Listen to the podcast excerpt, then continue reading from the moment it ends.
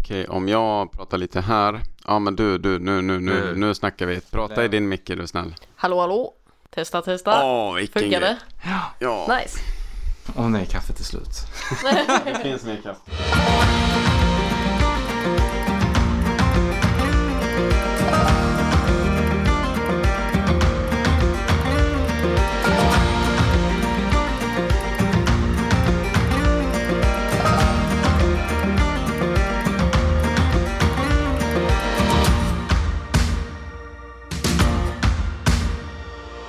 Hej och hjärtligt varmt välkomna till Fjällvandringspodden. Jag som pratar nu heter Anton Levin och med mig så har jag Lukas Wennerholm. Tillsammans gör vi en podcast för dig som är intresserad av vandring, fjäll, vinterturer och kanske lite, lite klättring. Nu sitter vi ju här igen och denna vecka så har vi med oss vår alldeles första gäst, stugvärden Emma Nilsson. Varmt välkommen. Tack så jättemycket. Hur är läget med dig? Det är bra. Jag känner mig hedrad att få vara första gästen. Gött. Och du, men just nu är du inte stugvärd utan du sitter här i Stockholm. Vad gör du nu inte stugvärd? Då brukar jag dra på äventyr, jag brukar försöka ha det gött. Vara ute i naturen, klättra, vandra, paddla. Ja, det som faller mig in just för stunden. Du klättrar lite också. Yes. Och du skulle till motröre mot Bohuslän. Ja, till hösten så kommer jag befinna mig i Bohuslän. Men först blir det Småland. Gött. Och eh, hur är det, har du några framtida alltså, stugvärdsuppdrag eh, framför ögonen? Ja, nu så blickar jag framåt mot att jag ska till Kaitum i sommar. Så det ligger ju, vad blir det, 12 kilometer söder om Singi.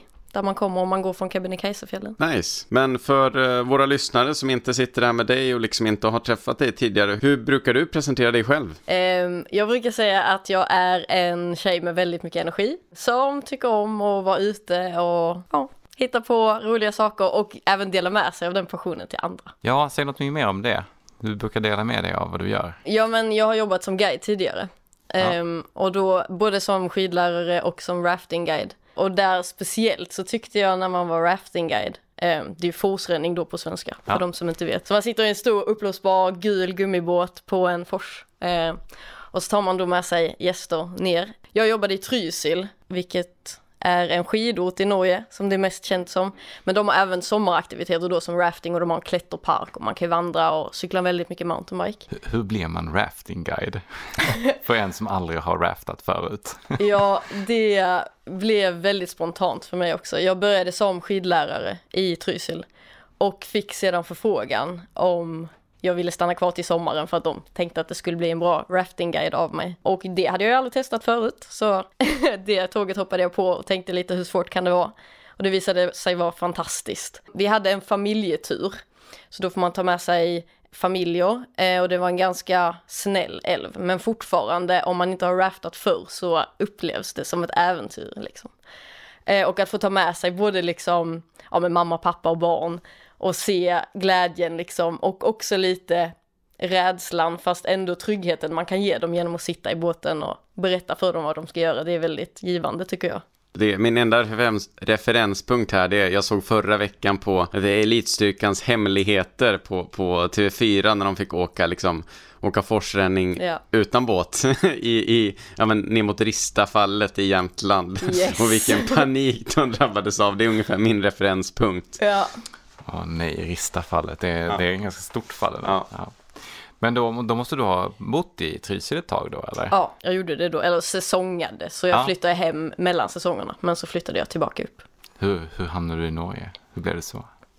Det är också en rolig historia. Efter studenten så åkte jag till Nya Zeeland och backpackade. I och med att det är på andra sidan jorden så är ju årstiderna tvärtom. Så när vi har sommar har de vinter och när vi har vinter har de sommar. Så jag lyckades åka dit på ett sånt sätt att jag inte fick vinter på ett år. Så jag kom tillbaka till Sverige och bara okej men jag, nu, jag känner att jag behöver vinter. Jag hade väl åkt skidor när jag, en gång när jag var åtta och en gång när jag var tolv typ och tänkte ja men skidor vill jag åka, det verkar kul. Ehm, så jag sökte ett skidlärarjobb i Trysil. De frågade inte på intervjun om Du, man... du, du hade inte åkt tidigare? Jag hade åkt två gånger. Ja, okej, okej. Mm. Men de frågade inte på intervjun om man kunde åka skidor. Eh, så det jobbet fick jag och så lyckades jag så här fake it till you make it. Men ing- ingick det någon form av så här skidutbildning då också? Man fick en utbildning, eller man betalade för en utbildning Ja. på två veckor. Och så var det ju test i slutet av den då. Eh, och klarade man dem så fick man ju bli skidlärare. Och det gjorde jag. Men eh, jag Coolt. fick kämpa för det. Ja, Skidor är ju fantastiskt. Jag gillar också att åka skidor. Ja, jo, Så verkligen. att, eh, jag förstår, jag förstår. ja, Men det, det, det, ja, jag, har, jag har inte det självförtroendet ska jag säga. Det är, li- Nej, jag skulle aldrig våga söka till att bli skidlärare. Nej, men jag har väl insett det efteråt att så här, aha, okej, jo men det kanske inte var, men alltså jag gillar att prova nya saker Mm, och jag ja. tycker speciellt i början när man lär sig någonting man aldrig har gjort förr så är utvecklingskurvan så himla, alltså den är så himla brant. Så jag vet inte, det väcker verkligen mitt intresse att göra sådana saker. Ja, kul. Jag, jag, tror- jag tror att mycket, mycket med skidor har att göra att man, om att man vågar. Jag tror att det är jätteviktigt för att kunna utvecklas. Och då tror jag, vågar man så kan man nog utvecklas ganska fort. Och såklart, man, man har en utbildning och hjälp och folk som säger åt en vad man ska göra. Gud, för det är ja. också svårt att åka, bli bra själv utan att få feedback. Kan tänka mig att man måste våga inte vara så rädd för att trilla och kanske slå sig lite, utan man får vara beredd på att det ingår i, i det hela kanske. Verkligen. Men också, vi hade ju grupper, barnen började på tre år gamla. Eh, och så upp till vuxna då nybörjare. Och för att lära en nybörjare stå på skidor så behöver man mest kunna förmedla trygghet. Mm. Såklart ska du kunna hålla balansen och veta hur man svänger och bromsar men du behöver inte kunna carva i svartbacke för att göra det liksom. Började du kunna åka baklänges? Ja, Ja. man behöver kunna stoppa dem när de inte kan Ja. bromsa själva. Ja, men du fixade det på två veckor. Oh ja, Ja. oh ja. Ja, det är ändå, det är ändå starkt, tycker jag. Ja, verkligen. tack. Så, så eh, från skidlärare till, till raftingguide, vad, vad gjorde du härnäst sen då? Ja, efter det så blev jag ju intresserad av klättring. Eh, och det förde mig till en skola i Dalsland. Eh, Dalslands folkhögskola har en äventyrsguideutbildning där det finns en klätterinriktning. Eh, som då Emma fortsatte på samma spår, eh, hade aldrig klättrat förut. Lite sporadiskt kanske på ett bouldergym i Malmö, eh, men inte mer än så. Eh, så jag sökte klätterutbildningen, eh, kom inte in först, men sen så ringde jag dem och sa hej, ni borde verkligen ta mig. Ungefär. Eh, Självförtroendet igen. verkligen så. Eh, Men då fick jag komma in, hade typ det bästa året i mitt liv. Det var jätteroligt och jättegivande. Och det var ju en guideutbildning med inriktning på klättring, så vi hade klättring åtta veckor på år, hela året då. Så det var väldigt mycket annat och man fick återigen där lära sig att förmedla trygghet och liksom ta hand om en grupp folk och följa med dem och göra någonting som för dig känns väldigt tryggt och säkert men som för dem ska upplevas som äventyr. Och det är liksom en fin balans däremellan att det inte ska upplevas för alltså, lätt men fortfarande inte bli osäkert. Jag kan tänka mig att vissa är väl lite höjdrädda och kanske inte vill uppleva en skräckupplevelse heller. Ja, men precis, precis. Verkligen. Eh, och det var ju därigenom jag fick eh, höra om STF då. Och vi hade en stugvärd som var och föreläste för oss. Vi hade personer från STF som också pratade om olika uppdrag, eller vad ska man säga, som STF har, typ att man kan göra dugnadsuppdrag, alltså när man tar hand om, hjälper till och typ renovera stugor eller utföra olika arbete som behöver, behövs göra. Och det var även en kille i min klass som pratade väldigt mycket om att han ville bli stugvärd. Ehm, som fick mig att tänka på att det ens var en möjlighet. För att jag, hade, jag visste inte att den jobbmöjligheten eller att den möjligheten fanns tidigare. Du kan bo i en stuga mitt ute ingenstans och få betalt för det. Typ så, typ så. inte, ja det är inte fy skam. Du fick höra talas om STF. Hur, eh, hur, hur kom du sen till att liksom faktiskt söka din första stugvärdsposition? Ehm, så det började med att jag fick höra talas om STF och blev väldigt intresserad av Kungsleden. Eh, vilket jag också hade stött på folk, liksom. för när man jobbar som guide så möter man ju väldigt många likasinnade. Både gäster och liksom folk som man jobbar med. Så jag fick höra talas om Kungsleden och då när det också kom folk från STF så förstod, STF så förstod jag mer sambandet mellan stugorna och leden. Um, och då blev jag väldigt liksom intresserad av att vandra långt, för det hade jag heller aldrig gjort tidigare. Um, så jag tog min och packade min väska och så begav jag mig till Kungsleden och gick från Hemavan till Abisko. Sov i tält hela vägen, men fick ju se sjukt många fina platser. Och vi, när man går så långt så är ju vikten också en faktor. Att man vill ju inte behöva bära med sig mer än vad man behöver för att man ska gå långt liksom. Och det är mer nice om man inte behöver bära så mycket. Så då innebär ju det också att kanske inte packa jättemycket mat utan så här, försök göra det på så få dagar som möjligt utan att det liksom blir stressigt och att du behöver ta ner för mycket på liksom komfort. Um, men det var väldigt många platser som jag passerade då som var liksom så här, men gud, här hade man kunnat stanna ett tag och så här typ göra toppturer eller så här bara upptäcka området för det är så fint. Och att gå av leden och gå där det liksom verkligen inte finns några folk kändes också väldigt så här spännande. Um, så sen efter det så åkte jag återigen till Trysil och gjorde en vintersäsong efter jag hade gått Kungsleden. Och då var det faktiskt min kille som såg att det låg ute en annons där de sökte stugvärdar. Och han var så här, okej okay, men ska vi, inte, ska vi inte söka liksom? Tänk att få vara på en av de här platserna som vi gick förbi liksom. Och bara kunna göra hur mycket turer som helst. Och bara vara där liksom. Och också få ta hand om folk och få hjälpa till. För det är ofta till stugvärden man går om någonting händer. Um, och jag var väl i början lite så här, ska vi verkligen söka? Typ det jag hade hört var att det var väldigt svårt att få. För att ja. det är många som söker och ja. det finns ganska få platser. Ja, vilken stuga var det som låg ute? Eh, alltså de lägger ut alla stugvärdsuppdrag kan man säga på en gång och så får man önska stugor och perioder.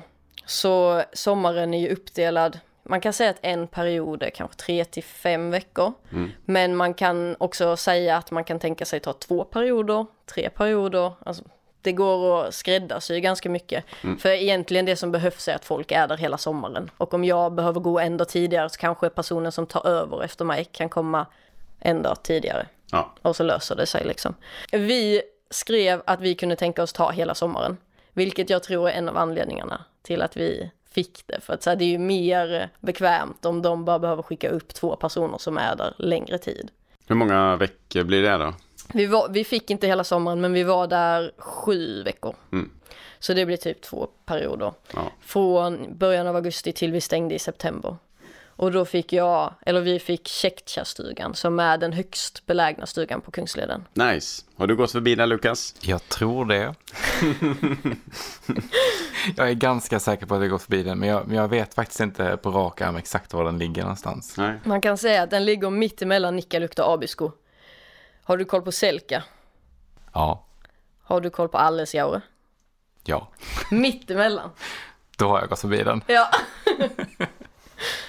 Men den, den gjorde inte några djupare avtryck så? Det, det, kan vara så att när jag gick där att vi tog en uh, liten sväng förbi stugan mm. och gick någon av de här mindre markerade lederna så att vi kan ha gått förbi den eller ja. liksom precis passerat den.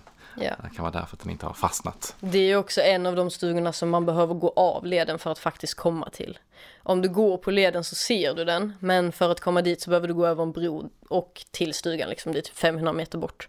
Så många som är inne i sitt vandringsmode liksom och bara vill komma fram och inte har tänkt stanna brukar bara gå förbi. Ah, okej. Okay.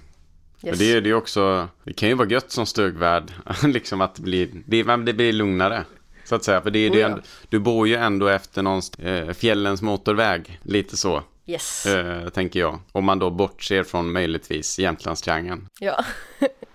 Men det märker man ju också, de har ju ett event som är, om jag inte missminner mig, i slutet av augusti, som heter Fjäll... Fjällräven Classic. Ja. Exakt. Och det brukar ju vara, det brukar bli mycket mycket för stugvärdarna då, för det är många personer. Nu har de dratt ner på hur många som får lov att gå till detta året då, men förra året så tror jag det var runt 3000 personer som gick. Och då är det under samma vecka som färdas den vägen liksom.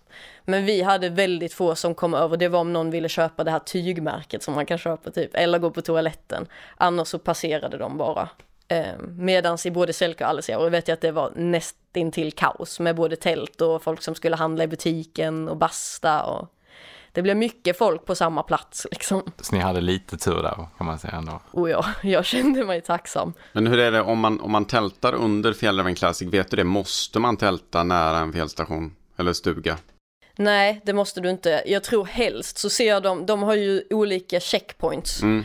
Helst så ser de nog att du tältar ut med checkpointsen. Ja. Eh, för som jag har förstått det är det ju också folk som går Fjällräven Classic som inte har vandrat särskilt mycket tidigare. Mm. Det är ett sätt att få ut folk i fjällen. Ja. Ja. Och då kan ju de som är liksom volontärer under det här eventet hjälpa till med så här, hur gör man med skräp, hur packar man ner tältet? Jag vet att de också har klinikliknande form på hur man sätter upp tält, typ vid första checkpointen. Ehm, så jag tror det är det de helst ser att man gör för att lämna stugorna till andra vandrare. Liksom. Och, för den som inte är bekant med Fjällräven Classic, vad, vad, vad, är det för någonting när ni pratat om det? Fjällräven Classic är ett event som går mellan Nikkaluokta och Abisko där man får vandra en sträcka och typ få lite hjälp längs vägen kan man säga. Det finns olika checkpoints där de liksom kollar av hur det går för dig. Ehm, du får lära dig olika saker, typ sätta upp tält, hur packar du väskan? Det man börjar vandra med, du får inte lov att lämna någon utrustning längs med vägen eller något skräp, så du ska bära med dig allting tillbaka. Så det du kommit dit med måste du ta med dig i mål. Så har du en 30 kilos väska när du börjar, vilket det faktiskt är folk som har, så ska de 30 kilorna in hela vägen ja. till Abisko. Då är de riktigt vältränade när de är klara sen. Oh ja, oh ja. Men, men eh, för, så, så, som jag förstått det så var det nästan så att ja, men för, för vissa så höll det här på att utvecklas till ett lopp. Eh, ja. och därför införde man massa, eller en del utrustningskrav också. Så att man måste ha med sig tält och så här. Ja, precis. För en del såg det som ett lopp och bara sprang igenom. Ja. Och det är det fortfarande folk som gör, men... Nu får man ha med sig tält och springa igenom. Precis. Men det ska också tilläggas att det finns ju också två sidor av det här myntet. Så det är inte alla som uppskattar att eh, det är event i fjällen. För vissa tycker att det är liksom ska, fjällen är till för att man ska vandra och ingen plats för liksom event och show och sim och att det blir väldigt, väldigt mycket folk just då. Så jag vet till exempel om man bokar boende via STF så brukar de skriva ut vilken vecka Fjällräven Classic är. Så att man inte bara ska råka boka samma vecka och hamna mitt i. Det är ändå tacksamt faktiskt att de skriver ja. ut det. Ja, ja absolut. Jag kan ju förstå det att ja, men om man vill gå ut och liksom vara för sig själv, det kan, det kan jag köpa. Men däremot, jag har lite svårt för de som så här, missunnar andra. Ja, men så här, eh, folk som, eh, ja, men vi har ju pratat om Kebnekaise fjällstation till exempel mycket, att det är många som tycker det är jobbigt att det är så mycket människor där. Om man själv går dit så är man ju en av de alla människorna som är där. Eh, nå någonstans får man ju ändå se att eh, alla andra har ju lika mycket rätt till det här intresset, liksom det här fantastiska intresset som, som jag. Och jag försöker, jag försöker så här, om jag åker någonstans där det är mycket människor, då får jag bara omfamna det och, och eh, leva med det. Såklart. Jag tror dock mycket det som var är ju att det då är folk som inte är vana vid att vandra, som inte har förstått etiken helt och hållet.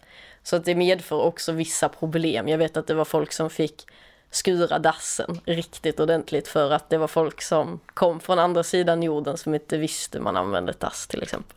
Ja. Så det medför också mycket sånt, vilket jag då kan förstå att så här, okay, det är kanske ett jätteroligt jobb att ha och gå där efter. Nej, liksom. nej, verkligen. Så ni fick den här eh, sommaren, de här sju veckorna på, i stugan. Hur var liksom den första dagen när du kom dit? Man bara står på en ny plats. Mm, då hade jag ju, så vi har också infört en liten tradition nu att vi alltid går en tur helst innan och efter vårt uppdrag för att så här, få helhetsupplevelsen av fjällen. Så då hade vi med oss, det var jag, Cornelius, min kille och eh, min pappa faktiskt följde med. Så vi hade vandrat från Nikkaluokta till Tjektja via Nallo, så vi kom över det här Nallo-passet. Eh, det var fruktansvärt kallt och det var väldigt regnigt, så vi hade haft really hard time och liksom scrambla på de här stenarna som var, ja för er som inte vet så är det här passet ganska brant, speciellt om man kommer från Nallo blir det brant uppför. Och stenarna är lösa och kan bli väldigt hala när det är blött. Så vi fick verkligen så här, ta det lugnt tempo, det var nio kilometer från Nallo till Tjektja, det tog sex timmar kanske. Eh, så det var nästan en lättnad att komma till Checkjar och säga oh yes nu är vi här, så här, den här dagen är över. Men då hade vi också, i och med att det var vårt första uppdrag så hade vi en överlämningsperiod med de stugvärdarna som var i stugan.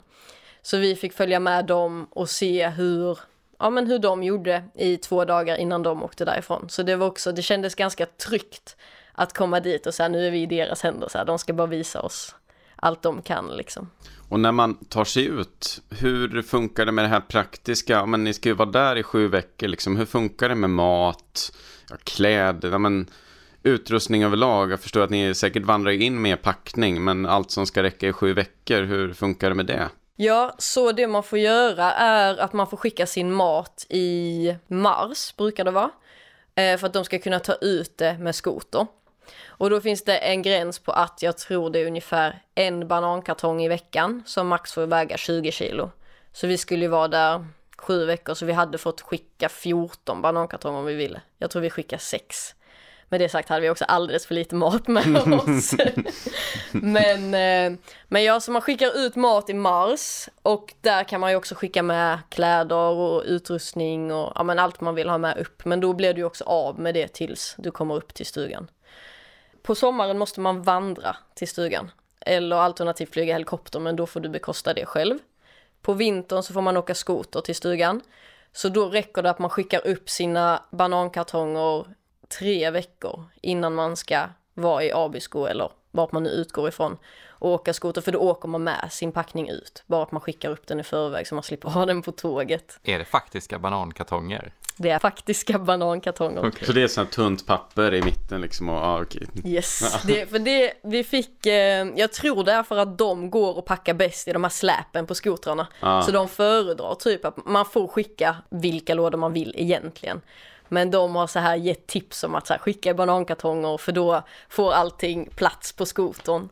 Och även om man typ så här torkar mat själv, för det gjorde vi till Checkchat, torkade vi all mat själv som vi skickade upp. I och med att den ligger där sex månader innan man kommer så vill man gärna ha den torr så det inte vi, har. Vi pratade ju om, om hållbarhetstid förra avsnittet, så sex yes, månader. Sex ja. månader, ja. Med, med det sagt så var några så här, de här måste vi kasta. Det var säkert okay. inte helt torrt, okay. lite fukt kvar. Men det som då, om man torkar mat får man också tipset om att lägga det i sådana här, ni vet, godislådor som de använder typ i godisbutiker och fyller på de som man plockar ur.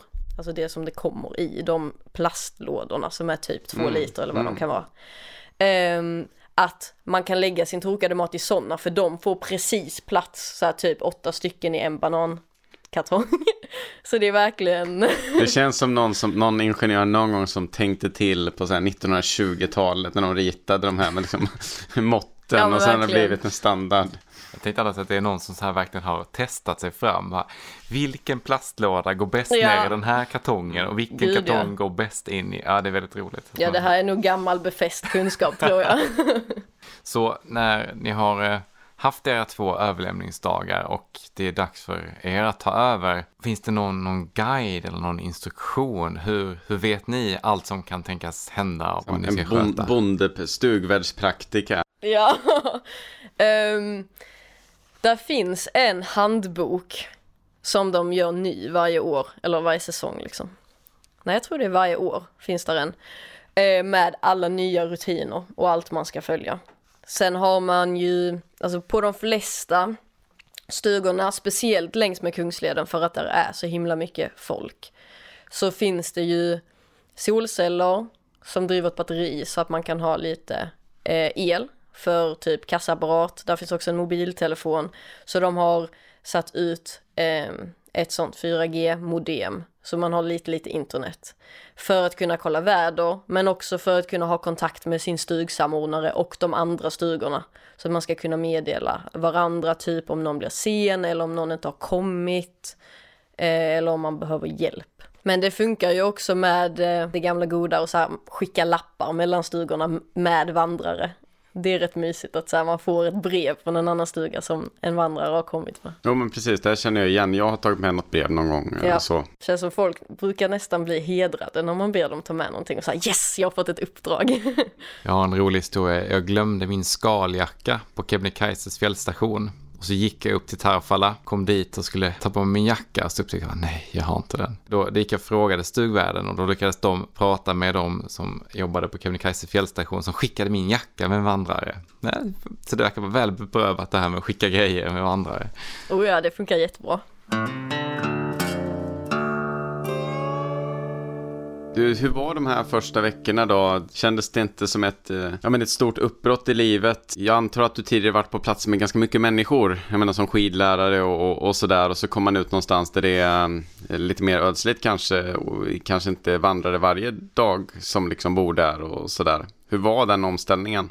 I början så gick det väldigt bra. Att jag var väldigt taggad på att det skulle vara liksom lugnt och att man liksom skulle få uppleva fjällen på ett annat sätt. För som sagt, när man vandrar förbi så upplever jag att det lätt, alltså man har ju ett mål som man går mot och det kan bli väldigt lätt, för mig i alla fall, om det blir lite tufft att så här, man fokuserar på målet. Okej, okay, men jag ska ta mig hit. Och så glömmer man bort lite och så här, uppleva platsen man faktiskt är på.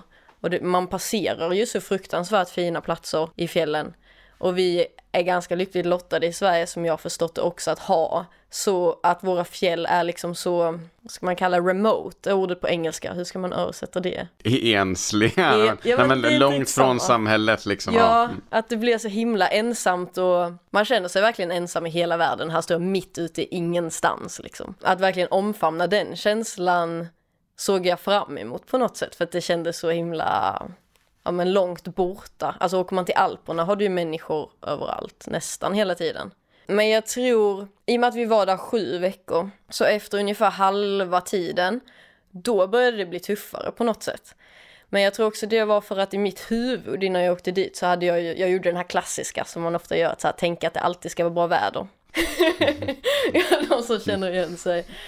Nej men så i mitt huvud så sprang jag ju så här på toppturer varje dag och liksom upptäckte området men första tiden så hade vi typ två veckor med 30 meter per sekund och ösregn hela dagarna. Man blir ju in, alltså sittandes väldigt mycket. I och med också att det var första gången så det enda vi hade skickat med upp i våra banankartonger var mat. Så jag hade inte skickat några kläder, jag hade inte skickat någonting, att, så här, någon hobby att sitta och pyssla med, jag hade inte skickat en enda bok.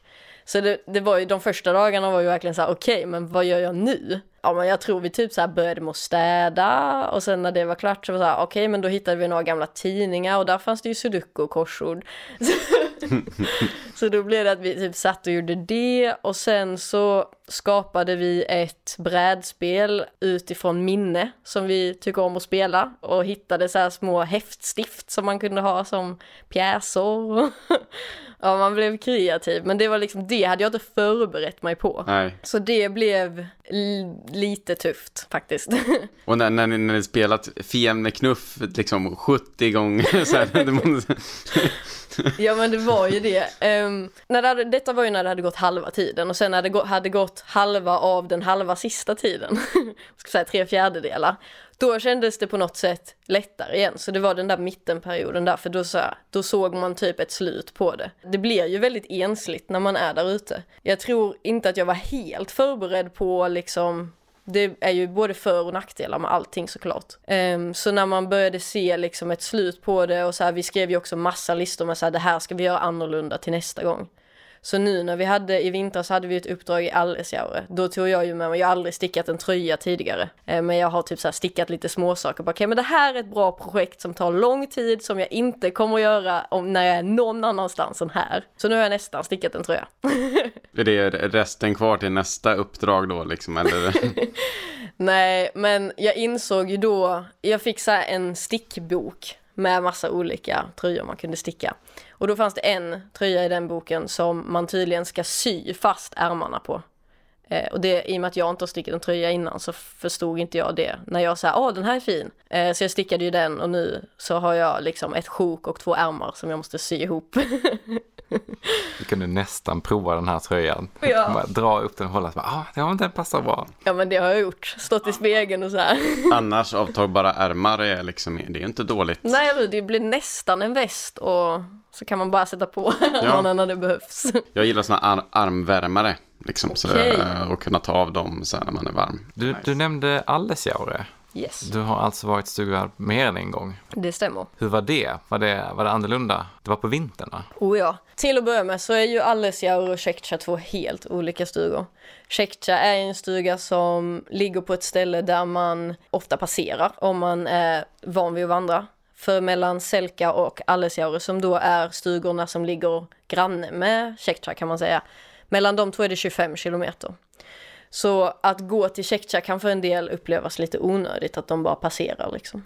Men det är också en stuga där när det väl blir väldigt dåligt väder så stannar alla. Där är 33 sängar i Tjektja. Vi hade en dag när vi hade 68 personer, tror jag. Det var också då när det var stormvind och mm. ösregn i två veckor liksom.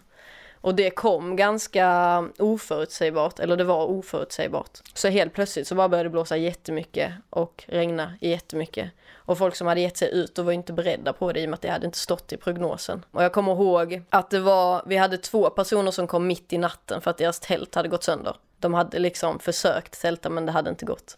Så då var det mycket folk, medans Allesjaure är ju mer en stuga som ligger, den ligger närmare Abisko. Andra stugan om man utgår från Abisko följer Kungsleden. Har 84 sängar så där finns plats för mycket, mycket mer folk. Eh, har bastu, har butik. Det har inte Chektja. Och sen var det också på vintern, vilket är en helt annan grej. Det är annat folk som är ute på vintern de flesta har varit ute förr. Eh, Medan på sommaren är det ganska många som säger, ja men vandra har jag hört ska vara kul, typ Kungsleden pratar många om, och den här sträckan mellan Abisko och Nikkaluokta verkar jättefin, och alla skriver om den. Så då är det mycket sånt folk från hela, hela världen egentligen. Och nu på vintern upplevde jag att det var mycket folk från Europa, och mycket folk som var vana vid att vara ute. Är det färre folk på vintern? Ja. Med det sagt hade vi vintern med flest folk hittills sen de började räkna statistik inom STF, vilket var typ 1990 tror jag. Alice har en ganska stor stuga. Är man bara två stycken där också? Nej, man är egentligen tre stycken. Men vi bad om att få vara två stycken. Var det tufft? Det var helt okej. Okay. Det var mycket mer jobb än vad det var med Checkcha, eller i Checkcha. För att man har ju en bastu som ska startas en speciell tid, man har en butik som ska vara öppen speciella tider. Så du har alltid tider att passa. I Checkcha var det mer att man bara, man gör sitt jobb och det som behöver göras för stunden. Men du hade inte direkt några tider att den här tiden måste jag göra det här och den här tiden måste jag göra det här. Och det var speciellt tycker jag för att i fjällen tidigare så har jag upplevt att man inte förhåller sig till tid alls. Man förhåller sig mer till väder, vind och ljus typ. Ja nu är det ljust, då går jag upp, nu är det mörkt, då går jag och lägger mig. Men nu vart det mer så här tidsberoende, vilket var lite konstigt ändå. Hur mycket skottade ni snö? Eh, om jag ska vara ärlig så blir jag faktiskt besviken. jag, hade, jag var taggad på att skotta snö, jag hade förväntat mig att behöva skotta jättemycket snö. Eh, men vi hade supermycket sol. Alltså jag var där fem veckor nu under vintern och vi hade sol nästan varje dag. Vilka veckor? Jag kom dit 23 mars och vi åkte hem 24 april. Det är lite så här, nästan lite vårvintertid på året. Ja, det yes. är vackert. Jag tror vi hade några få dagar med när det faktiskt snöade och så hade vi några dagar med regn. Men det var inte så mycket snöskottning som jag hade hoppats på. Men med det sagt så var det mycket så här bygga trappor för det blir väldigt halt när solen är framme och allting smälter ju och det blir väldigt hårt. Så typ ner till bastun i Allesjaure är det både en bit att gå men det är också nerförsbacke och blir väldigt, väldigt halt när många människor går där varje dag upp och ner och solen sen står och gassar på. Så det var mycket så här göra små fotsteg liksom så man inte skulle halka. När ni var vid uh, Tjeckcha, då gjorde ni också en uh, film. Var det lite för att döda tiden? när vi åkte dit så var vår plan att filma. Ja. För att vi var så här, okej okay, men vi har passerat här tidigare. Dock när jag passerade Tjeckcha så hade vi snöstorm när vi gick Kungsleden. Så det var faktiskt typ den enda stugan som jag inte hade sett tidigare. För den var helt så här borta. Man såg bron men man såg inte stugan. Enda gången jag gick Kungsleden som jag använde solglasögon. För det snöade så mycket. Vi hade typ ingen sol när vi gick. Eh, nej men planen var att filma. Eh, vi hade ju tidigare den sommaren gjort en paddling från Trollhättan till vår sommarstuga i Småland. Där vi hade kittat upp med lite filmutrustning, typ en drönare, en GoPro och en kamera. För så här, ja men filma verkar kul, typ. Det är någonting vi vill börja med. Och så visste vi att vi skulle vara stugvärd och så här, gud, att få så här fånga känslan som man har när man är i fjällen vore helt fantastiskt. Så det, det var planen innan vi åkte dit. Men det var ju också, det hjälpte ju till att döda tiden. Hur upplevde du responsen kring den? Hur gick det? Ja, det var ju faktiskt helt sjukt. För min YouTube-kanal var ju ingenting. Jag hade ju verkligen precis börjat la upp en film som heter Story about being hutwarden in the Swedish mountains och den typ exploderade. Jag tror jag fick 156 000 visningar. Väldigt mycket bra respons, både från STF, där jag fick folk som kontaktade mig och typ sa att det var en jättefin film och att de gärna ville dela den. Också folk liksom från hela världen som sa okej okay, men wow, eh, jag måste åka till Sverige och vandra för att det här är helt fantastiskt. Och jag tror också att det var ett nålsöga typ, för det finns inte mycket på Youtube om att vara just stugvärd. Och jag tror inte det finns jättemånga länder som har stugvärdar heller. Så det är nog en ganska egen grej för Sverige. Jag vet inte hur det funkar i Norge med DNT och deras stugor. Eh, vissa är väl bemannade tror jag, men, men vissa står också obemannade och så får man låna nyckel på något sätt som jag har förstått det. Ja, precis. Jag har förstått det som eh, när man blir medlem så kan man köpa en nyckel eller låna en nyckel. Men jag tror det kostar ungefär lika mycket. Och då får du tillgång till stugorna men du måste fortfarande betala för att bo där. Mm. Och det sker då på sån här, vad ska man säga, ärlighets... Ah, alltså, okay, ah. du, där är ingen person ah. som kollar om du betalar. Det är men... som, som nödutrymmena på vintern i Sverige i princip. Exakt, exakt. Eh, och jag vet att även i Nya Zeeland så har man lite stugvärdar men det funkar på ett annat sätt än här. Jag träffade lite folk när vi var i Tjeckien som berättade om USA och att där fanns inte stugor och stugvärdar alls på samma sätt som i Sverige. Och i Alperna verkar det inte vara så heller. Så vi är ganska, ganska ensamma med att ha det på det sättet. 157 000 visningar, det är ju jätte, verkligen jättemycket liksom. Och vilka var det som, som fångade upp den? Var det, var det svenskar eller var det mest internationellt? Har du någon koll? Ja, man kan ju kolla på YouTube, typ så statistik. Um, och det var ju mest internationellt. Mycket från USA, mycket från England, Kanada, men också väldigt mycket folk från Asien, Indien, Saudiarabien, alltså från alla möjliga ställen. Så det var jätteroligt. Och jag tror, alltså så som jag har förstått det med YouTube så handlar det ju väldigt mycket om så algoritmer och att man liksom ska träffa rätt. Och jag tror bara att det var att, ja men, att det liksom är ett nålsöga som det inte finns särskilt mycket om. Men som folk ändå verkar intresserade av. Och så vill jag inte skryta men jag hade en bra bild. ja det är viktigt, en bra thumbnail. Yes. vi, har, vi har ju sett den här videon och det är verkligen fantastiskt vackert. Ni har fått in riktigt många häftiga vyer liksom över området där omkring. Och så såg jag också att ni, ni hugger mycket ved. Oh ja. är, det, är det en stor del av stugvärdens uppdrag? Det är det, eller inte av uppdraget kanske. Precis som att gästerna behöver hugga sin egna ved så behöver vi hugga vår egna ved. I och med att mycket värms ju upp genom att elda. Så tycker jag det är väldigt roligt att hugga ved också. så det hjälper ju. Det är ett bra tidsfördriv om inte annat. Sen så man kan ju inte hugga ved det tar ju slut till slut. Det gör ju det. Det var så roligt nu i vintras när vi var i Allesjaure så stod jag och sågade och, och högg massa ved.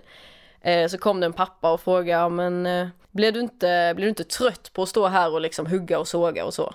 Och jag svarade så nej men eh, jag tycker det är rätt trevligt att bara stå och hugga ved. Och han bara ja okej okay, typ. Och så hör jag han går iväg till sin lilla son typ som kan vara åtta år gammal eller något sånt. Och säger typ Ja men hörde du det? Det finns tjejer som tycker om att hugga ved. En sån borde du ha. ja, jag tyckte det var lite roligt.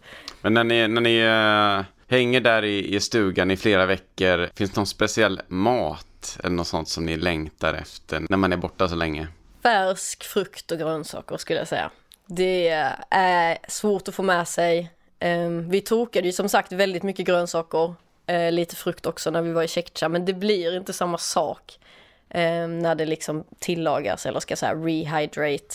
Nu på vintern så hade vi ju fördelen att ha folk som kommer med skoter och transporterar saker hela tiden. Så om man hade tur kunde man be dem om lite äpplen så tog de med det nästa gång när de kom upp. Det var sjukt uppskattat, verkligen. Nice, ja, men jag känner igen det där själv när jag varit ute lite längre perioder att just det där ja, men frukt, frukt och grönt eh, var någonting jag saknade väldigt mycket. Det var liksom det, pizza och eh, Eh, läsk också. Okej. Okay. ja. Jag tänkte säga, för mig är det alltid pizzan som hägrar. Men jag har nog inte varit ute tillräckligt länge för att liksom glömma bort hur, hur färsk frukt är. Nej men någonting som bara är liksom, har lite mer konsistens för allting som är torkat som liksom tillagad sen. Eller också så här typ, vi hade ju mycket pasta och ris. Nu under vintern så kan man ju också, vi köpte all mat nästan i Abisko. Tog med oss upp på skotern och sen så hade vi en soptunna utanför som var liksom vår frys. Så man kunde ha med sig frysta grönsaker och man kunde ha med sig frysta men kyckling och kött och så.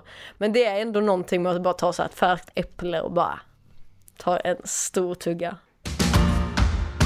Nu i sommar så ska det till, eh, hur uttalar man det? Kaitum, ja. Kaitum, yes. yes. Och hur lång tid blir det? Det kommer vara ungefär tre veckor. Så det är, nog, det är den kortaste perioden jag har gjort hittills. Och hur ligger den här stugan då? Kaitum ligger 12 kilometer söder om Singi eller 19 kilometer tror jag från Vakotavare. Som man kan komma från om man, eh, om man, tar den bussen från Gällivare. Eh, som sen går upp mot Ritsem också. Eh, och Kaitum är ju ett sjukt fint ställe. Jag har bara passerat tidigare. Men det ligger vid en sjö där man kan fiska. Som stugvärd får man ju alltid fiskekort också. Big plus. Men jätte, jättefint ställe som jag har förstått det så är det många som också kommer dit för fisket men också typ tältare som stannar och eh, bara hänger för att det är så himla, himla vackert. även om det är längs Kungsleden så kommer man ju ändå av motorvägen mellan Nikkaluokta och Abisko lite grann. Så det ser jag också fram emot. Ja, det är alltså lite mindre, lite mindre trafik den sträckan. Ja, precis. Och det är, jag kommer inte ihåg hur många sängar de har, men det är inte en jättestor stuga. Um, där finns bastu och där finns butik. Jag tror det kommer bli jättebra. Var, var det ett medvetet val att det blev tre veckor eller hade ni velat ha mer? Nej, jag tror tre veckor kommer att bli bra. Nu blev det också under högsommaren. Tidigare, nu gjorde vi ju sista perioden under vintern så vi stängde stugan och vi gjorde samma i somras. Att vi stängde stugan, men nu kommer vi vara där liksom mittenperioden så vi kommer inte öppna men vi kommer inte stänga. Och jag tror att det kommer att vara mer att göra än vad vi har gjort tidigare för att det kommer att vara just under högsäsongen när många går. Um, och sen så hade vi lite tidspress med andra saker som vi vill hinna med i sommar också. Så tre veckor tror jag kommer bli alldeles, alldeles perfekt. Då hoppas vi ju liksom innerligt att ni får något fint väder och inte liksom, eh, ja men eh, många dagar med, med spöregn och vind. Ja. Kommer ni ut på tur någonting? Vandrar? Ja, så när vi var i Tjektja gick vi väldigt mycket på dagsturer. Så som stugvärd så kan man säga att man har man ska se till att alla kommer iväg på morgonen och så städar man stugan och ser så att den ser fin ut liksom till när de första gästerna kommer anlända. Och sen har man som ett hål på typ 4-6 timmar mitt på dagen när ingen är där. Och det som är så himla fint är att ju finare vädret är ju mer tid spenderar gästerna ute innan de kommer till stugan. Och det är också de dagarna som man helst går på tur själv. Um, så det klaffar ju väldigt bra där att folk brukar komma senare när det är fint väder och då kan man själv också vara ute längre. Men man brukar ju försöka ta sig tillbaka liksom framåt kvällen och då ta emot folk, se till att de kommer in i rum, att det blir bra organiserat om någon behöver hjälp med någonting, typ skavsår eller ibland kommer folk med väskor som har gått sönder eller ja men det kan vara allt mellan himmel och jord verkligen. När vi var i Tjeckja i somras så böt vi av varandra lite grann också så man kunde gå iväg. Så jag sov i Allesjaure en natt och jag sov i Nallo en natt. Eh, och då hade Cornelius stugan själv och sen så gjorde vi samma sak fast åt andra hållet. För vi upplevde att vi liksom så okej okay, men då får jag jobba lite mer två dagar och så får du vara helt ledig. Och sen byter vi liksom. Så det kändes fair. Ja det låter ju, låter ju alldeles utmärkt. Vad är, vad, är, vad är viktigt för dig när du är ute och vandrar? Finns det något speciellt du vill uppleva eller söker efter? Vart ger du dig ut? Vad letar du efter? Hmm. Det var en bra fråga. Alltså jag tror jag tycker om den här ensliga känslan. Jag vill nog helst att det ska vara så här ett stort, brett landskap med ingenting.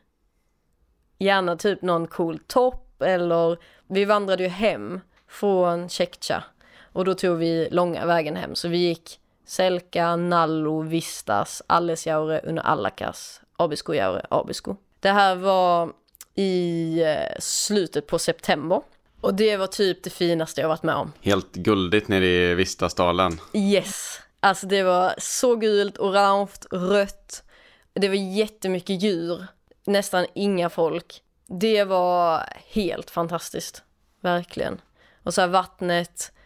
Ja men det var inte jättehögt men det var inte jättelågt. Det så här polade på sådär lugnt och lagom liksom. Och, nej men det var, det började komma snö på topparna. Men det var liksom inte snötäckt. Så det var bara som, det var, ja, riktigt coolt landskap. Mm. Jag har ju, nu ska vi se Lukas, har du varit i Vistas? Sett ja. ner i Dalarna? Ja, precis. Så jag har också varit där och det, jag får, får rysningar här. Så jag skulle jättegärna vilja se det med höstfärger för det, det är otroligt vackert eh, även på sommaren. Gud ja. Men jag Men... kan tänka mig att det är lite mindre mygg sådär eh, senare på hösten. Jag tänkte precis säga det, då slipper man myggen. Det gör man. Nej, det, var, det var faktiskt det allra finaste jag sett typ i hela mitt liv. Det var helt fantastiskt. Också perfekt klimat så här. Det är inte, det är inte supervarmt men det har inte blivit svinkallt. Så man typ så här, så länge man rör sig så håller man sig lagom varm utan att behöva svettas eller gå och frysa liksom. Så det var guld. Har du hittat någon, någon favoritplats längs de lederna du har gått på hittills? I Tjektja så hade vi en favoritplats på berget som ligger precis bakom kan inte uttala det namnet för det, det är långt. Där uppifrån så ser man en glaciär in i Norge eh, och ett delta liksom med små sjöar som är helt turkosa. Och också där när det så började gå mot höst så såg man hur sidorna började ändra liksom från grönt till gult, orange, rött. Um, och så det här turkosa vattnet och den jättestora vita glaciären. Det var verkligen som en tavla nästan. Um, så det var en riktigt bra plats. Det var nice för att det var 30 minuters gång i brant uppförsbacke upp, så det var som ett litet träningspass. Och sen så kom man upp och fick liksom sin belöning. Man såg även in bort mot Nallo och alla bergen där borta. Och sen så kunde man gå ner och så gå in och käka lite typ. Så det var en lagom dagstur med bra belöning och lite träning. Ja, det låter fantastiskt. Jag tänker som, som stugvärd så, så får man ju träffa jättemycket människor och, och du säger att man får träffa människor från hela världen som liksom har hittat till Sverige och eh, valt att vandra i de svenska fjällen. Har du något särskilt möte med någon, med någon person som du liksom minns? Sådär? Jag kommer ihåg, det här var ganska tidigt när vi var i Tjeckja, så kommer jag ihåg att vi, det kom ett syskonpar eh, som jag tror var från Tyskland. Där det var en, eh, ja men en lilla syster och en storebror. Och de kom in och satte sig på gården. Så i Tjeckien så står stugorna som att det blir en liten gård på mitten. Men där det står liksom ett litet bord där vi har varm saft. Och man, liksom, man brukar kunna få lite lä där inne. Så de kom och satte sig på bänken. Och jag kommer ihåg att jag var så här, hello, how are you, how's it going? Och så här, såg i deras ögon att det var inte så jättebra. De såg riktigt sletna ut. Ehm, så jag gick in, vi hade haft en, ehm, en gäst dagen innan som hade packat på sig alldeles för mycket mat. Så han hade lämnat massa mat. Eh, det var Snickers och det var lite så frystorkad mat. Och vi hade fått tipset från stugvärdarna tidigare att det kommer väldigt ofta folk till Tjeckja som inte har med sig mat för att när man går från Abisko så har både Abiskojaure som är första stugan man passerar, den har en butik. Allesjaure som är andra stugan man passerar har en butik. När man kommer till Tjeckja så finns där ingen butik. Eh, och det är inte alla som alltid är så pålästa så att de vet det utan de kommer dit och tänker att de kan köpa mat. Så vi fick tipset från stugvärdarna tidigare att om man hittade så här bra mat som folk hade lämnat så kunde man lägga undan det i ett hörn till när folk kom utan mat så de kunde få den maten liksom. Ehm, så det hade vi gjort när han lämnade maten som han liksom tyckte att ryggsäcken var för tung och så här, jag måste bli av med någonting, typ ta den här maten. Um, så då gick jag in och hämtade två Snickers som han hade lämnat och gav varsin till dem. Var på det här syskonparet bara brister ut i gråt. Oh. um, och typ så här, ja men de sitter där och äter sina Snickers och så öppnar sig och så här, ja men vi tänkte att vi, då skulle de gå hela Kungsleden. Hade aldrig vandrat tidigare, tjejen berättar att hon typ aldrig ens har gått på en sport i hela sitt liv. Så här, hon är ingen fysisk person. Hon säger, vad har jag gjort? Nu är jag här mitt ute i ingenstans. Så här, vi har ett tält. De var ju unga också så jag antar att de så här, försökte spara på pengarna och tänkte tälta liksom hela vägen, som man gör. Så de sov i tält och så här, det var så mycket som var nytt och de var bara helt nedbrutna. Just det, de berättade också att de hade köpt frystorkad mat men de hade bara köpt en sort, alltså samma mål, måltid. Och den här måltiden smakade inget bra. Ja, så de var så här, vi har bara äcklig mat. Um, så då sprang jag in igen, hämtade två frystorkade mat som han hade lämnat. De fick dem och blev, alltså man kunde verkligen se hur glada de blev. Och det är det som är så fint med fjällen, att de minsta gesterna betyder så mycket för folk för att man är så utelämnad. Och det som var väldigt fint sen också var ju att efter några veckor när min video då hade legat ute så ser jag att en av de här har kommenterat eh, och liksom så beskriver vilka de var och så här, vi har sparat påsarna med mat som vi fick av er som ett Aha. minne. Så det var, det var väldigt, väldigt, väldigt fint. Jag kommer ihåg när jag eh, när jag var ute och, och eh, vandrade ett par veckor för ett par år sedan. Vi kom, när vi kommer till Vistas och det finns det finns nudlar och ballerina. Hur gott det var. Ja, nu fick vi ju betala för det såklart. Men, ja, men hur fantastiskt gott det var. Jag hade förätit mig så på, på frystorkad mat. Eh, de här påsarna som jag brukar ha till middag som jag pratat om i tidigare avsnitt. Ja. Det är, ja, jag, jag, är ju fortfarande föräten på det. Men, men eh, snabbnudlar, det, det går alltid ner. Ja, det var fantastiskt gott. Ja, det är gott med någon variation. Ja. När man bara ätit samma flera dagar i rad. Ja, man kan, man kan verkligen bli trött på maten man äter liksom. Framförallt om det är torkat. Det har liksom en speciell smak som ibland fastnar. Ja, eller ingen smak alls. ja, det är så det kan det också vara. Jag antar att ni har med er lite kryddor och sånt där när ni... Vi har börjat ha det nu i alla fall. Första gången vi torkade mat var ju när vi gick Kungsleden. Och då torkade vi också så här, vi hade blandat i förväg i så här påsar så det var någon ris och gröna bönor och bönor och köttfärs och allt möjligt i samma påse så hade vi försökt krydda dem i förväg liksom. Men det smakade typ ingenting. Och alla smakade också likadant. Så det var så här 19 dagar av det tre gånger om dagen liksom. det var lagom gott med något annat när man kom i mål, verkligen. Man vill, man vill ju nästan när man är ute och vandrar ha en, ha en mer varierad kost än vad man har hemma. Liksom. Så det finns nytt varje dag. Ja. ja jag, jag tycker det fall. brukar variera mycket. Ja. ja, alltså det är ändå ett, um, ett tips som jag har fått många gånger också av stugvärdar. Att så här, variation är guld. Och man tycker när man packar ihop sin mat så här, men nu jag har lite köttbullar, jag har lite pasta, där är lite ris, så här, det är variation. Hemma hade det funkat liksom. Men där ute, alltså det, det, it's never enough.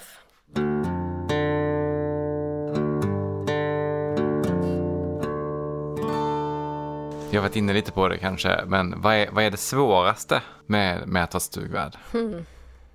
Jag skulle säga att det svåraste med att vara stugvärd är nog att skilja på att vara stugvärd och vara privat. För det blir, och det säger STF också till en liksom när man får sin kurs eller vad man ska säga.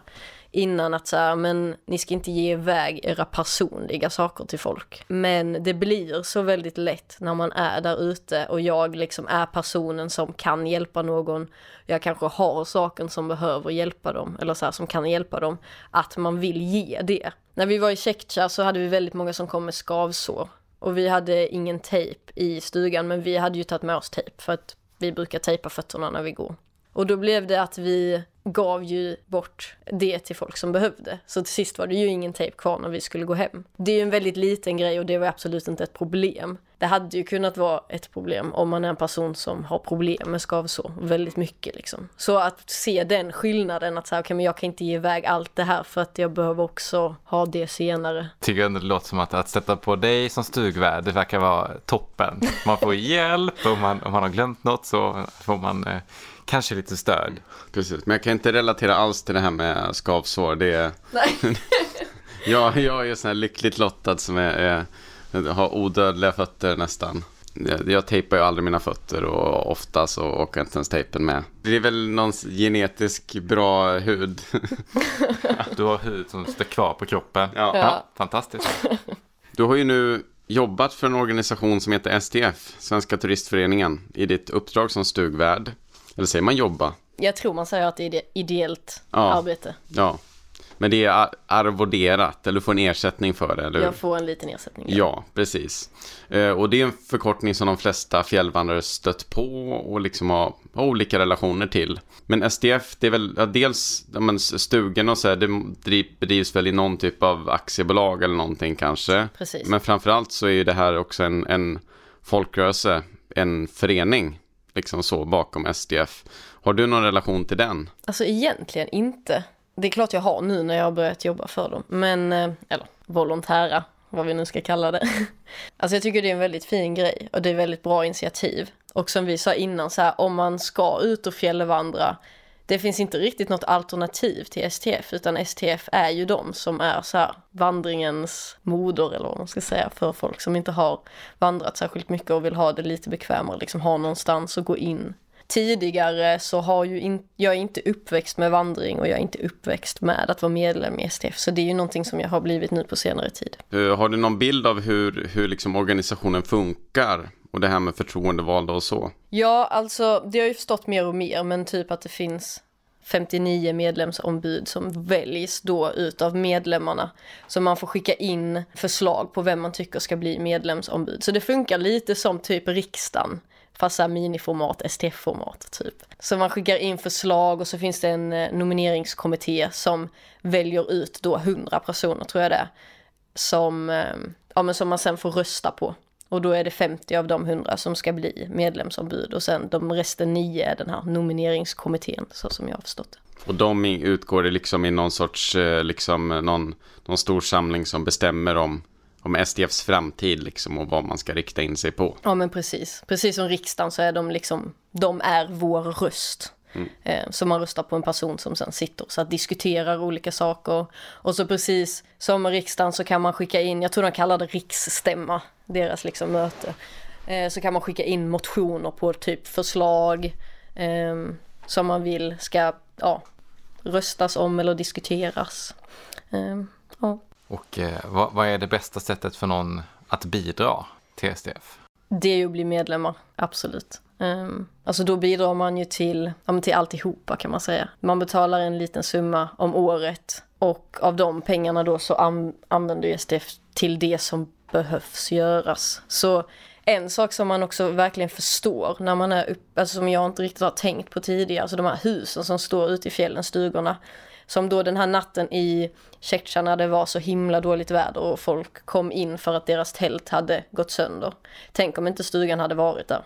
Då är det så här, man är rätt så tacksam att den finns när man vaknar upp mitt i natten av att tältpinnen har gått av liksom. Och de husen utstår ju sjukt mycket. Alltså allting är ju fastvajrat i marken eh, för att det inte ska blåsa bort.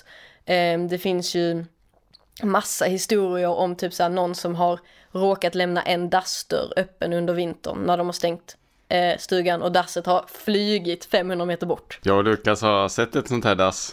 är det sant? Ja. Nice. Nej. Nej, vi hade hoppats att det skulle finnas ett dass men ja. vi gjorde det inte. ja, too bad. Vad var det här? Lunddörren. Okej, okay. ja. Nej men så det är ju verkligen en sån punkt som står med utropstecken när man stänger stugan att så här, dubbelkolla alla fönster och alla dörrar för det är alltid varje år någon dörr och något fönster som står öppet. Det har ju konsekvenser för att vädret där ute är ju verkligen, alltså det vindar och snö och regn och rusk.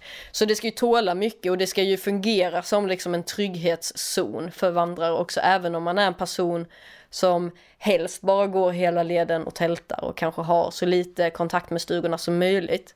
Så är det ändå en slags trygghet att de finns där för att om någonting händer så kan du bara gå dit. Om de inte hade funnits där hade du varit mycket mer utelämnad. Och, och varje stuga har väl också nödtelefoner och kan kontakta fjällräddning och annat liksom om någon skadar sig eller sådär. Ja precis. Jag är inte helt säker på om exakt alla har men de allra Nej. flesta, eh, speciellt längs Kungsleden har de ju mm. nödtelefon som går direkt till polisen.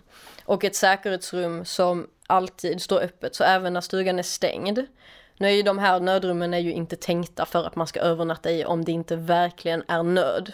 Men är det det så finns de där och det är också en trygghet eh, att ha. Så det är ett, att bygga ett hus, alltså både att bara transportera saker ut till att kunna bygga det och sen bygga det så att det faktiskt står kvar är ju ett sjukt komplicerat arbete egentligen om man tänker på det. Det tror jag många som har, har vandrat eh, funderat på, eller ja, ganska många i alla fall man har ju mycket saker ute i stugorna. Liksom. Det är mycket ved som antagligen måste transporteras dit och det är, det är mat och det är alla möjliga grejer. Gas säkert också till vissa stugor. Har du någon koll på hur, det liksom, hur transporteras det dit? Är allting via helikopter? Liksom?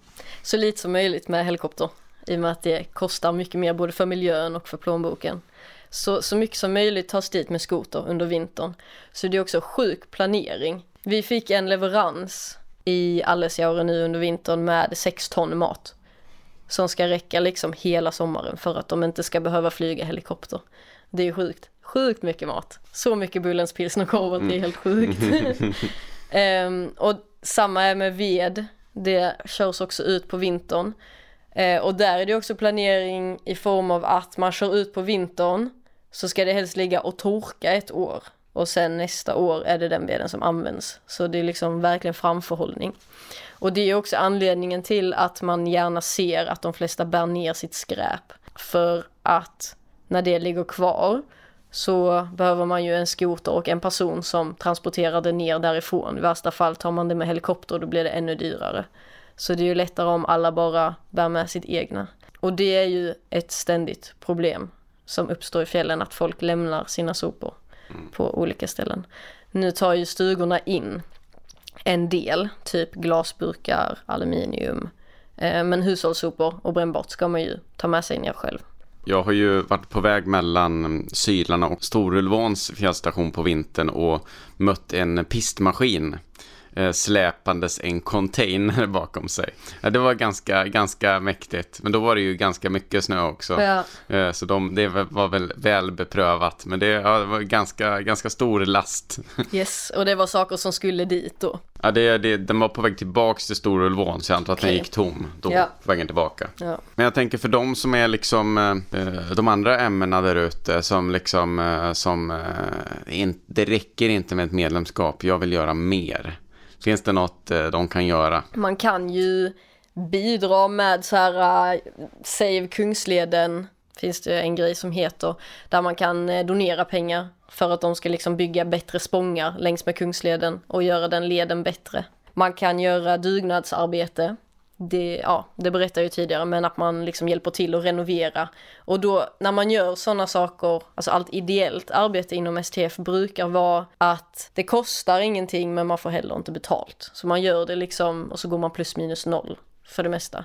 Ehm, så man får liksom följa med på en vandring ut till en stuga där man målar och bygger och kanske skruvar upp någon krok ja, får man liksom boende och mat längs vägen. Hämta dassen som har blåst bort en halv kilometer. Exakt, precis. Det behöver någon göra. Men då har vi då uh, skrivit ner fem uh, snabba frågor till dig. Okay. Som vi tänkte att du ska få svara på. Uh. Ja, precis. Ja, det, det, det, är ingen, det är ingen frågesport så, utan det är, förhoppningsvis okay. har du svar på det de här. Det finns inget pris. Nej, nej, tyvärr. Nästa gång kanske. Men eh, om vi börjar från eh, toppen då. Eh, bästa maten på fjället? Ägg. Ägg. Okej. Okay. Vad säger du Lukas om det svaret? Jag tänker att det är en bra grej. Jag älskar ägg. Ja. Mm, nice. Ägg i packningen, jag ser framför mig att det är läskigt. Det finns sådana kartong, ja, hårda kartonggrejer mm, man kan ha den i. Vad har du på fötterna när du är ute? Jag brukar ha kängor. Mm. Eh, med högt skaft. Vad glömmer du alltid i packningen? Tvål. Bästa månaden på fjället? September. Och din favoritplats i fjällvärlden? Nallo. Gött. För mig är det Spork. Absolut Spork. Den glömmer jag alltid. Ja. Men jag har, den bor i min väska. Ja, vilken spork har du? Den där Titan. Jag har knäckt ja. för många. Ja, du, du, har också haft light, du har också haft Light My Fires spork. Ja, det var ju ett skämt om att det var ett engångsbestick Och det stämmer ju ganska bra. Jag har brutit av några stycken ja. jag också. Yes, men det, jag tror den här också är Light My Fire, bara i titan. Ja, ja men då är det nog, då är det nog lite mer safe. Sjukt mycket bättre. Ja, men de är ju faktiskt bra. Mm. Jag har använt ett sånt, de är trevliga. de är trevliga. det är de.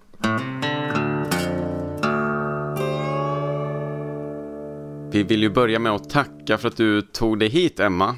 Hur kan man eh, hitta dig om man vill eh, följa ditt arbete och dina äventyr i, i framtida fjällstugor? Då kan man följa mig på YouTube eller Instagram. Då kan man söka på Emma med två A och Nils med två S. Eller Emma Nilsson brukar funka på YouTube. Vad hette den här videon? Det kan ju vara en bra ingång också. Det är det. Den äh, heter A Story About Being a Hut Warden in the Swedish Mountains. Rekommenderas att se. och med det så rullar ju veckans avsnitt mot sitt slut. Har du specifika ämnen du vill att vi tar upp i framtida avsnitt eller ställa frågor till oss, hör av dig till oss på Instagram, at fjällvandringspodden. Och glöm inte heller nu att prenumerera på oss i ditt flöde.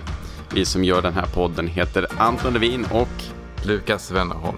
Under de namnen kan du också hitta oss på Instagram. Om du uppskattar det vi gör, sprid gärna ordet så att vi kan fortsätta prata om vandring från våra vardagsrum. Och glöm inte heller nu att redan nu planera in din nästa tältnatt. Tack för den här gången. Vi ses om två veckor.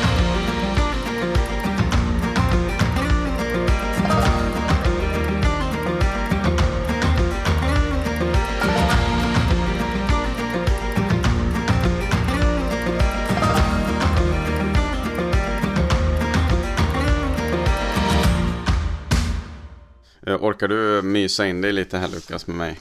Du kan flytta på den där om du behöver. Men kaffehållaren vill jag ju inte plocka bort. Nej.